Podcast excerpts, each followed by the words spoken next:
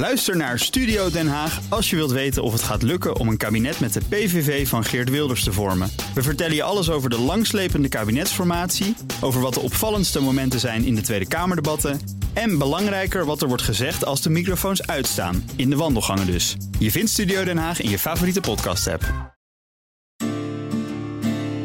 Goedemorgen, dit is de Week van Energia op vrijdag 2 juni. Ik ben Ilse Akkermans en bij mij in de studio is David Duinmaier, redacteur van Energia. Welkom David. Hoi, goedemorgen. We hebben het deze week over geluidsnormen voor windturbines. De gemeente Utrecht heeft strenge geluidsnormen opgesteld voor vier windturbines in de polder Rijnenburg. Deze lokale normen zijn strenger dan de landelijke normen die tot 2021 golden. David vertelt zometeen waarom de gemeente dat doet en waarom er ook alweer tijdelijk geen landelijke regels zijn. Maar eerst kijk ik met hoofdredacteur Wouter Hielkema naar ander nieuws van deze week. En ook Wouter is er weer bij vandaag. Goedemorgen Wouter. Goedemorgen Ilse. Wat viel jou op in het energienieuws van deze week? Ten eerste, het kabinet moet van de Tweede Kamer gaan onderzoeken hoe met wetgeving gegarandeerd kan worden dat staalbedrijf Tata Steel zo snel mogelijk overgaat tot de productie van groen staal. Uh, er was een motie over deze week. De gastransporttarieven dalen komend jaar met gemiddeld 20%, behoorlijk fors. Mm Dat staat in een tarievenbesluit van de ACM. Ik vertel straks waarom. En er is een nieuwe branchevereniging voor bedrijven die actief zijn of willen zijn in de productie of verbruik van waterstof, NL Hydrogen. We beginnen met je eerste onderwerp. Hoe kunnen we met wetgeving garanderen dat staalbedrijf Tata Steel zo snel mogelijk overgaat tot de productie van groen staal? Het kabinet moet dat van de Tweede Kamer onderzoeken. Wouter, de Kamer stemde deze week voor een motie daarover en die was van Kamerlid Raoul Bouke van D66. Waarom vond Bouke die motie nodig? Tata heeft een, een pad uitgestippeld. Die wil in 2045 wil die CO2-neutraal staal produceren. Hè? Dat groene staal, wat jij net ook al noemde. Dat gebeurt uh, met behulp van waterstof in plaats van dat er steenkool gebruikt wordt. Dat einddoel van 2045, dat gaat Tata gefaseerd uh, bereiken, zeg maar. Mm. Een van de tussendoelen is om in 2030 uh, 5 megaton minder CO2 uit te stoten dan vandaag het geval is. En een van de manieren om, om daar te komen, hè, en die, bijvoorbeeld dat doel van 2030, dat, dat gaat uh, vastgelegd worden in maatwerkafspraken. Hè. Dat is een van het pijlers van het kabinetsbeleid om met de grote uitstoters maatwerkafspraken te maken. Om op die manier te zorgen dat er verduurzaming in de industrie uh, optreedt. Ja. Op dit moment bestaan er slechts nog principeafspraken. Dat moet uitmonden in die maatwerkafspraken. Mm-hmm. En Bouke is eigenlijk een beetje bang dat Tata die uh, zelf geformuleerde doelen ja, dat die te onzeker zijn. Dat, dat Tata die helemaal niet gaat halen. Dus die wil nu dat het kabinet gaat onderzoeken mm-hmm. hoe er een stok achter de deur kan worden geplaatst. Ja, ja en de bedoeling is, begrijp ik, dat de maatwerkafspraken van, met Tata Steel juridisch bindend worden. Waarom is dat niet genoeg voor Bouke? Ja, dat, uh, daar was ook wat verwarring over in de Kamer. Van ja, als die maatwerkafspraken er komen, dan, dan is het toch juridisch gebonden. Maar uh, Bouke zegt van ja, hoe dan eigenlijk? Hè? Uh, uh, hij zegt, ik, ik ben zelf op, on, op, onderzoek uitgegaan van hoe kunnen we die maatwerkafspraken dan juridisch bindend maken. Mm-hmm. Nou, hij zegt, daar, daar, kom ik zelf niet helemaal uit. Ik heb daar onvoldoende uh, mogelijkheden voor en, en resources voor om dat, om dat voor elkaar te krijgen. Mm-hmm. Dus die, die denkt van nou, dan, dan geef ik het kabinet opdracht van ga vast uitzoeken hoe je die maatwerkafspraken, hoe je dat, hoe je dat bindend kan maken. En specifiek voor Tata Steel wil hij dus weten van ja, kan er niet op een of andere manier wettelijk geborgd worden dat die, die groene doelen van Tata, dat die daadwerkelijk gehaald worden. Dat er wat meer garantie op is. Hij verwees bijvoorbeeld naar het verbod op kolen bij elektriciteitsproductie. Hè. Dat is eh, een, een, wet die is aangenomen. Die er eigenlijk voor zorgt dat in 2030 de kolencentrales dicht, dicht gaan. Mm gesloten moeten worden. Ja, en hij, hij, roept het kabinet nu op van ga eens onderzoeken of zoiets ook niet met staalproductie kan. Hè. Kan je niet een wet verbod op steenkool bij staalproductie uh, organiseren? Nou, het kabinet heeft daar uh, vrij welwillend op gereageerd. Op zich zei uh, verantwoordelijk minister Mickey Adriaansens van ja, eigenlijk zijn we die maatwerkafspraken aan het doen als alternatief voor juridische trajecten. Maar uh, er bestaat geen taboe op, op wetgeving om dit te bereiken. Dus ze gaat dat, wetgeving wordt niet geschuwd, zei ze in de Kamer. Dus het kabinet gaat dit onderzoeken. Als tweede onderwerp, de gastransporttarieven dalen komend jaar met gemiddeld 20% Dat staat in het tarievenbesluit van de Autoriteit Consument en Markt voor 2024. De tarieven kunnen dalen omdat GasUnie Transport Services, GTS, vorig jaar meer inkomsten had dan vooraf gedacht. Wouter, hoe kon dat gebeuren dat GTS vorig jaar zoveel meer inkomsten had? Vooral omdat vorig jaar gewoon een heel raar jaar was door de, door de oorlog in Oekraïne. Kijk, netbeheerders zijn natuurlijke monopolisten. die, die, wat zij doen, dat kan niet, kan niet uh, een andere partij kan het niet concurrerend ook gaan doen. Mm -hmm. Om te zorgen dat die netbeheerders dat wel doelmatig en efficiënt doen, uh, worden ze gereguleerd door de ACM. En ACM bepaalt dus jaarlijks eigenlijk wat de inkomsten mogen zijn van GTS op basis van hun transporttaken. Mm. Nou, er wordt gekeken naar hoeveel gas ga je ongeveer transporteren en wat zijn dan redelijke tarieven. En daar komt dan vervolgens een, een, een, een eindbedrag uit wat, wat GTS mag verdienen in een jaar. Nou, in 2022 is er fors meer verdiend. Ik zei al, hè, de oorlog in Oekraïne die heeft gezorgd dat de gasstromen eigenlijk heel anders gaan. Er komt heel weinig gas nog uit Rusland naar Europa toe, naar Nederland helemaal niet meer. Mm. En nu komt dat in de vorm van LNG uit het Verenigd Koninkrijk, uit België. Uit Noorwegen komt veel meer gas. Dus de gasstromen zijn heel anders uh, gaan lopen eigenlijk. In plaats van oost naar west zijn ze van west naar oost gaan lopen. Nou, dat heeft ervoor gezorgd dat er door Nederland veel meer gas getransporteerd is. Veel meer afschakelbare capaciteit is verkocht. Het is allemaal niet zo uh, belangrijk hoe dat allemaal heet. Maar dat heeft ervoor gezorgd dat GTS 400 miljoen meer heeft verdiend dan uh, vooraf was afgesproken dat was toegestaan. Dat wordt nu eigenlijk teruggegeven in de tarieven voor volgend jaar. Dus wat er vorig jaar te veel is verdiend, dat, dat wordt nu teruggegeven aan de markt. Maar niet het hele bedrag van 400 miljoen, want behalve dat de inkomsten toenamen, namen de kosten natuurlijk ook toe. Uh, hm. eh, GTS heeft uh, bijvoorbeeld kosten voor uh, energieverbruik voor compressoren om het net op druk te houden. Dat is best een behoorlijke kostenpost. En de hm. elektriciteitskosten zijn ook omhoog gegaan. Dat heeft geleid tot een extra kostenpost die toegerekend mag worden in de, in de tarievenverwerking. Nou, dat is ook allemaal een beetje te hm. diepgaand om daar op in te gaan. Maar dat kwam neer op ongeveer 270 miljoen die uh, eh, GTS als extra kosten mag opvoeren. Mhm. Nou, en onder de streep uh, ontstaat er dan een, een tariefverlaging van 20%. Ja, en ik begreep dat er ook een reservering is gemaakt voor een tariefverlaging in 2025. Hoe zit het daarmee? Ja, dat heeft te maken met de toename van de veilinggelden. Behalve dat, gas in, of dat GTS in Nederland veel meer gas getransporteerd heeft, veel meer afschakelbare capaciteit heeft verkocht. Is er ook op de grenspunten veel meer gasstromen geweest dan vooraf gedacht de capaciteit op die grenspunten wordt geveild. En die veilinginkomsten, normaal moet GTS die ook teruggeven aan de markt of investeren in uh, het oplossen van congestie op grenspunten bijvoorbeeld. Mm. Als die veilinggelden die in 2022 zijn verdiend, als die ook volgend jaar al teruggegeven worden aan de markt, dan zouden de tarieven niet met 20% dalen, maar met 40%. Nou, daarvoor zegt GTS van ja, dat is wel heel erg veel. Kunnen we er niet een reservering van maken, zodat we dat wat later aan de markt teruggeven, zodat we een wat geleidelijkere teruggave hebben over de, over de tijd heen. Nou, dat vond de ACM wel een goed idee. En uh, die hebben gezegd van uh, laten we in 2025 die veilinggelden teruggeven aan de markt. En wie merkt er wat van, van die tariefverlaging? Nou, dat zijn met name de, de industrie en de gasintensieve bedrijven. Die zijn aangesloten op het, uh, op het netwerk van GTS. Voor consumenten, mensen thuis, um, is het wat minder merkbaar. De transportkosten op het hoge druknet van GasUnie bepaalt maar voor een heel klein deel wat jij thuis voor je gas betaalt. En eh, ACM heeft uitgerekend dat deze tariefverlaging van 20% op de transporttarieven van GasUnie bij huishoudens iets minder dan 5% tariefverlaging op de rekening betekent. Dan hebben we nog je derde onderwerp. Er is nu een branchevereniging voor bedrijven die actief willen zijn in productie of verbruik van waterstof, NL Hydrogen. De bedrijven richten de nieuwe branchevereniging op om met één stem voor hun belangen op te kunnen komen. Ja, om wat voor bedrijven gaat het dan bijvoorbeeld, Wouter? Um, dat gaat om bedrijven uit allerlei verschillende sectoren. Kijk, het is geen geheim dat er eh, afscheid genomen gaat worden van koolwaterstof, hè, van, eh, van, van, fossiele brandstoffen. Hm. En uh, dat leidt ertoe dat het waterstofverbruik toegenomen gaat worden. Maar die keten die is nog enorm in ontwikkeling eigenlijk. En zoals aantredend directeur Alice Krekt van NL Hydrogen zei van ja, de bedrijven herdefiniëren zich nog. Hè. Die zijn nog aan het zoeken van wat willen we precies met waterstof? Wat kunnen we daarmee? Wat, wat zijn onze toekomstplannen daarmee?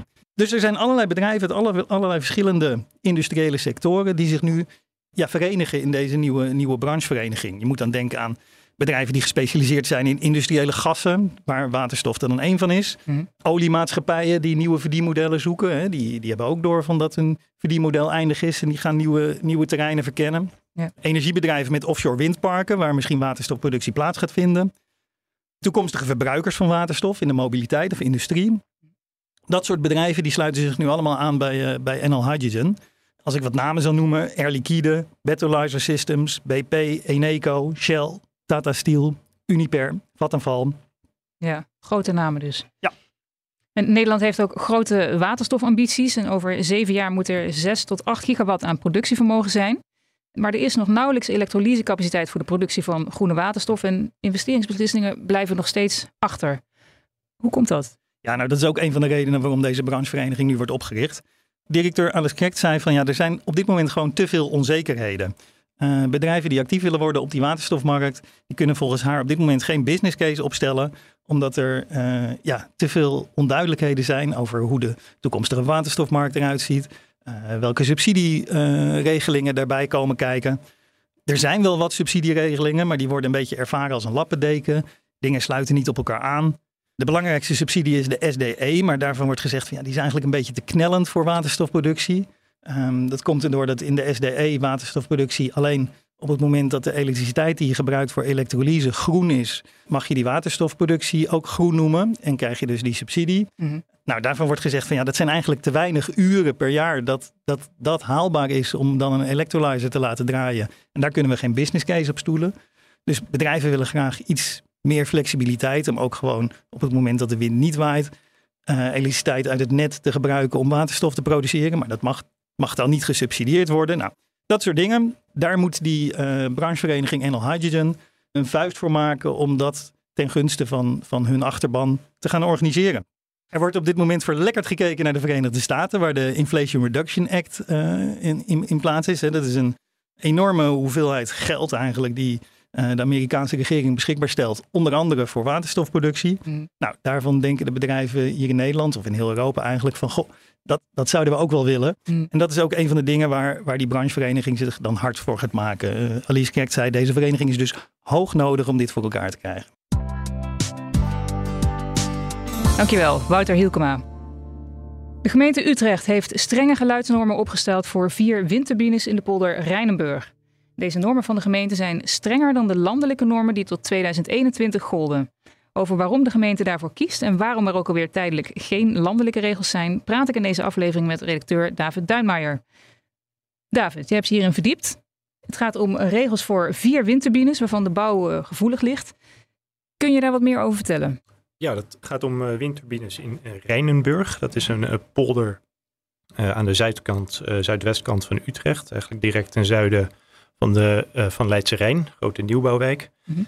Um, en de gemeente Utrecht heeft dat gebied eigenlijk al heel lang op het oog om uh, een energielandschap te ontwikkelen. Hè. Dus echt grootschalige uh, bouw van windturbines en, en, zonneparken. Maar het is ook een locatie die in de toekomst misschien nodig is voor woningbouw, voor de woningbouwopgave die Utrecht ook heeft. Mm -hmm. En om de komst van die woningen in de toekomst nog mogelijk te maken, is dat energielandschapsplan een klein beetje ingeperkt. en is het nu mogelijk om er op termijn acht windturbines en 230 hectare aan zonneparken te bouwen. En de eerste stap daar naartoe is dat er nu vier windturbines gebouwd gaan worden door de energiecoöperatie Rijne Energie. Mm. Voor die vier turbines heeft de gemeente Utrecht uh, vorige week de, de, vergunningen en het bestemmingsplan uh, ter inzage gelegd. En wat daar wel opvallend aan is, is dat er hele strenge geluidsnormen in staan voor die windturbines. Strenger dan wat landelijk gangbaar is. En ik zeg wat gangbaar is, omdat er eigenlijk geen landelijke regels zijn, geen landelijke normen um, voor windturbinegeluid en slagschaduw en dergelijke. Ja. Uh, dus gemeenten en provincies moeten dat op dit moment uh, zelf vaststellen en onderbouwen. En Utrecht is daarbij eigenlijk de eerste die, die strengere normen oplegt dan uh, de landelijke regels die tot 2021 golden. Ja, er zijn momenteel dus geen landelijke regels. Dat heeft te maken met een tussenuitspraak van de Raad van State uit 2021. Hoe oordeelde de Raad toen? Ja, dat, dat ging om een rechtszaak over een ander windpark, windpark uh, Delfzijl Zuid uitbreiding. En in die rechtszaak oordeelde de Raad van State dat de uh, landelijke normen die toen golden voor onder andere geluidshinder, dat die niet rechtsgeldig waren. En ja, om dat goed te begrijpen moeten we even wat verder terug in de tijd, naar een rechtszaak die in België speelde, mm -hmm. rond een windpark in de Belgische gemeente Nevelen. Mm -hmm. Onthoud die naam.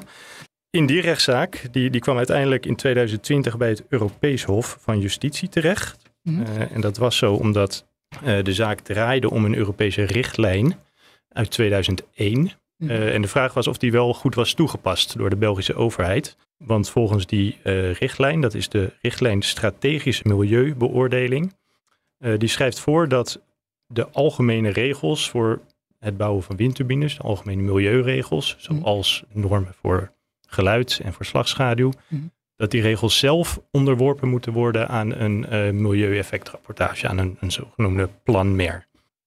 Nou, de Belgische overheid had dat niet gedaan. En het Europese Hof oordeelde daarom dat die, die regels die voor dat Belgische windpark golden, dat die niet rechtsgeldig waren. Nou, je voelt hem al een beetje aankomen. In Nederland bleek dat ook zo te zijn. Uh, dat kwam uiteindelijk uh, aan het licht uh, in die rechtszaak rond Delfzijl-Zuid-uitbreiding. Mm. In 2021 was dat. Toen heeft de Raad van State gezegd van ja, ook de Nederlandse landelijke normen, die zijn nooit goed onderbouwd. Daar is nooit een goede beoordeling van gemaakt. En die, die gelden dus niet meer. Nou, sinds 2021 zitten we daardoor in een soort vacuüm wat normen voor windturbines betreft. De nationale normen zijn er niet. Ja. En het gevolg is dat voor elk individueel windproject uh, de gemeente of de provincie, uh, afhankelijk van welk van de twee het bevoegd gezag, gezag is, zelf die normen moet, moet vaststellen, maar vooral ook moet onderbouwen. En ja, dat kan voor lokale overheden soms nog best een grote klus zijn. Ja, en zijn er al voorbeelden van? Uh, ja, die zijn er wel. Uh, je ziet wel dat er heel verschillend wordt omgegaan door gemeenten en provincies. Uh, er zijn ook gemeenten die, die echt even op de pauzeknop hebben gedrukt en gezegd van nou, we wachten liever tot er weer nieuwe landelijke normen zijn, zodat we daarbij kunnen aansluiten. Mm -hmm. Maar er zijn ook een aantal overheden die, die gewoon aan de slag zijn gegaan en die nieuwe eigen lokale normen hebben opgesteld en op basis van de lokale situatie dat onderbouwd hebben. Eentje daarvan is, uh, is de gemeente Eems-Delta samen met de provincie Groningen. Die uh, normen hebben opgesteld voor het windpark Delfzijl-Zuid, waar we het net over hadden. Uh, ja. Waar ook die Raad van State uitspraak over ging. Daar zijn dus inmiddels lokale normen voor, mm -hmm. die gelijk zijn aan de vroegere landelijke normen. Maar nu dus ook echt zijn onderbouwd op basis van de lokale situatie. En daarvan heeft de Raad van State inmiddels ook gezegd dat die goed zijn. Dat die juridisch door de beugel kunnen. Ja, en nu heeft dus ook de gemeente Utrecht lokale normen opgesteld voor de windenergieplannen in de polder Rijnenburg. Hoe zien die eruit? Ja, die zijn zoals gezegd uh, vrij streng. Uh, Utrecht heeft een uh, geluidsnorm opgelegd van 45 decibel LDEN, zoals dat heet. en LDEN staat voor Level Day Evening Night. En dat is dus eigenlijk de maximale geluidsbelasting die gemiddeld over een heel etmaal door die windturbines veroorzaakt mag worden. Mm -hmm. En dat gaat dan om het geluid gemeten aan de gevel van een woning. Nou, die norm is zoals ik zei 45 decibel voor een heel etmaal. De vroegere landelijke norm was 47 decibel. Mm -hmm. Dus dat is een stuk strenger.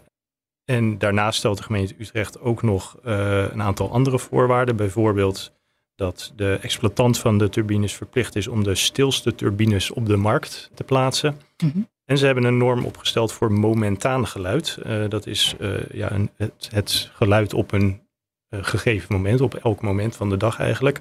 op elk moment van de dag mogen de turbines niet meer geluid maken dan ze volgens de opgave van de fabrikant zouden moeten maken. En de gemeente kan dat ook gaan meten. En als het overtreden wordt, dan kan er direct handhavend opgetreden worden. Staat in de Utrechtse regels. Ja, en waarom zijn de Utrechtse normen eigenlijk zo streng? Want ze zijn strenger dan de landelijke normen uit het verleden. Ja, nou dat heeft te maken met, uh, met dat gebied waar ik het net over had. Die polder Rijnenburg. Die ligt tegen de wijk Leidse Rijn aan. Er ligt alleen nog de, de snelweg tussen, eh, de A12. Er zijn ook plannen om in die polder woningen te gaan bouwen, zoals ik net zei. Ja, en in de regio Utrecht is er eigenlijk weinig ruimte voor, voor grootschalige energieopwek. Maar ze hebben die ruimte wel nodig om hun eigen klimaatdoelen te halen. Mm -hmm. En tegelijkertijd hebben ze diezelfde ruimte nodig voor, uh, voor woningbouw, waar die polder ook geschikt voor is. Uh, dus ja, dat, dat botst een beetje, dat zit elkaar in de weg. Uh, er liggen natuurlijk ook al verspreid in die polder wat bestaande woningen. Er zijn een aantal buurgemeenten die tegen die polder aan liggen, die daar eigenlijk ja, niet echt zitten te wachten op hoge windturbines. Mm -hmm. Ja, dus de, om het echt goed in te kunnen passen in zo'n toch wat stedelijke omgeving, vindt de gemeente dat, dat er strenge normen voor moeten komen. En hoe gaat het nu dan verder? Is het wel zeker dat die strenge normen er ook komen?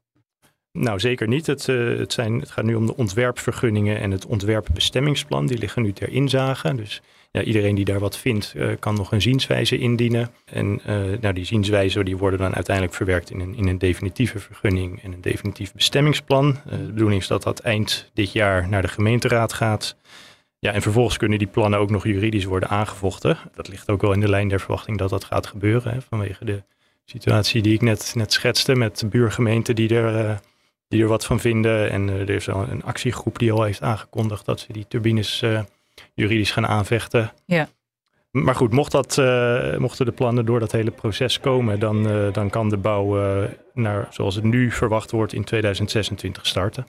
En hoe staat het ondertussen met de landelijke regels? Ja, het kabinet werkt nu aan een, een, algemene maatregel van bestuur, een ANVB. dat is een ministeriële regeling waarin dan nieuwe landelijke normen vastgelegd zullen worden. Mm en, ja, dit keer dan wel goed onderbouwd volgens de Europese regels. En uh, staatssecretaris Heijnen van Infrastructuur en Waterstaat, die schreef vorige week in een brief aan de Kamer dat ze verwacht die, die ANVB rond de zomer te kunnen publiceren. En na de zomer zal die dan naar de Kamers gaan, naar de Eerste en de Tweede Kamer. En dan zouden ze begin 2024 in werking kunnen treden. En nou, vanaf dat moment zou het dus niet meer nodig zijn voor gemeenten dat zelf te doen. Dankjewel, David Duinmaier. Dit was de Week van Energia met de laatste ontwikkelingen in de Nederlandse energiesector. Op energia.nl lees je meer. We zijn benieuwd waarover je in deze podcast meer wilt horen. Laat het ons weten via podcast.energia.nl. Mijn naam is Ilse Akkermans. Fijn dat je luisterde en tot volgende week.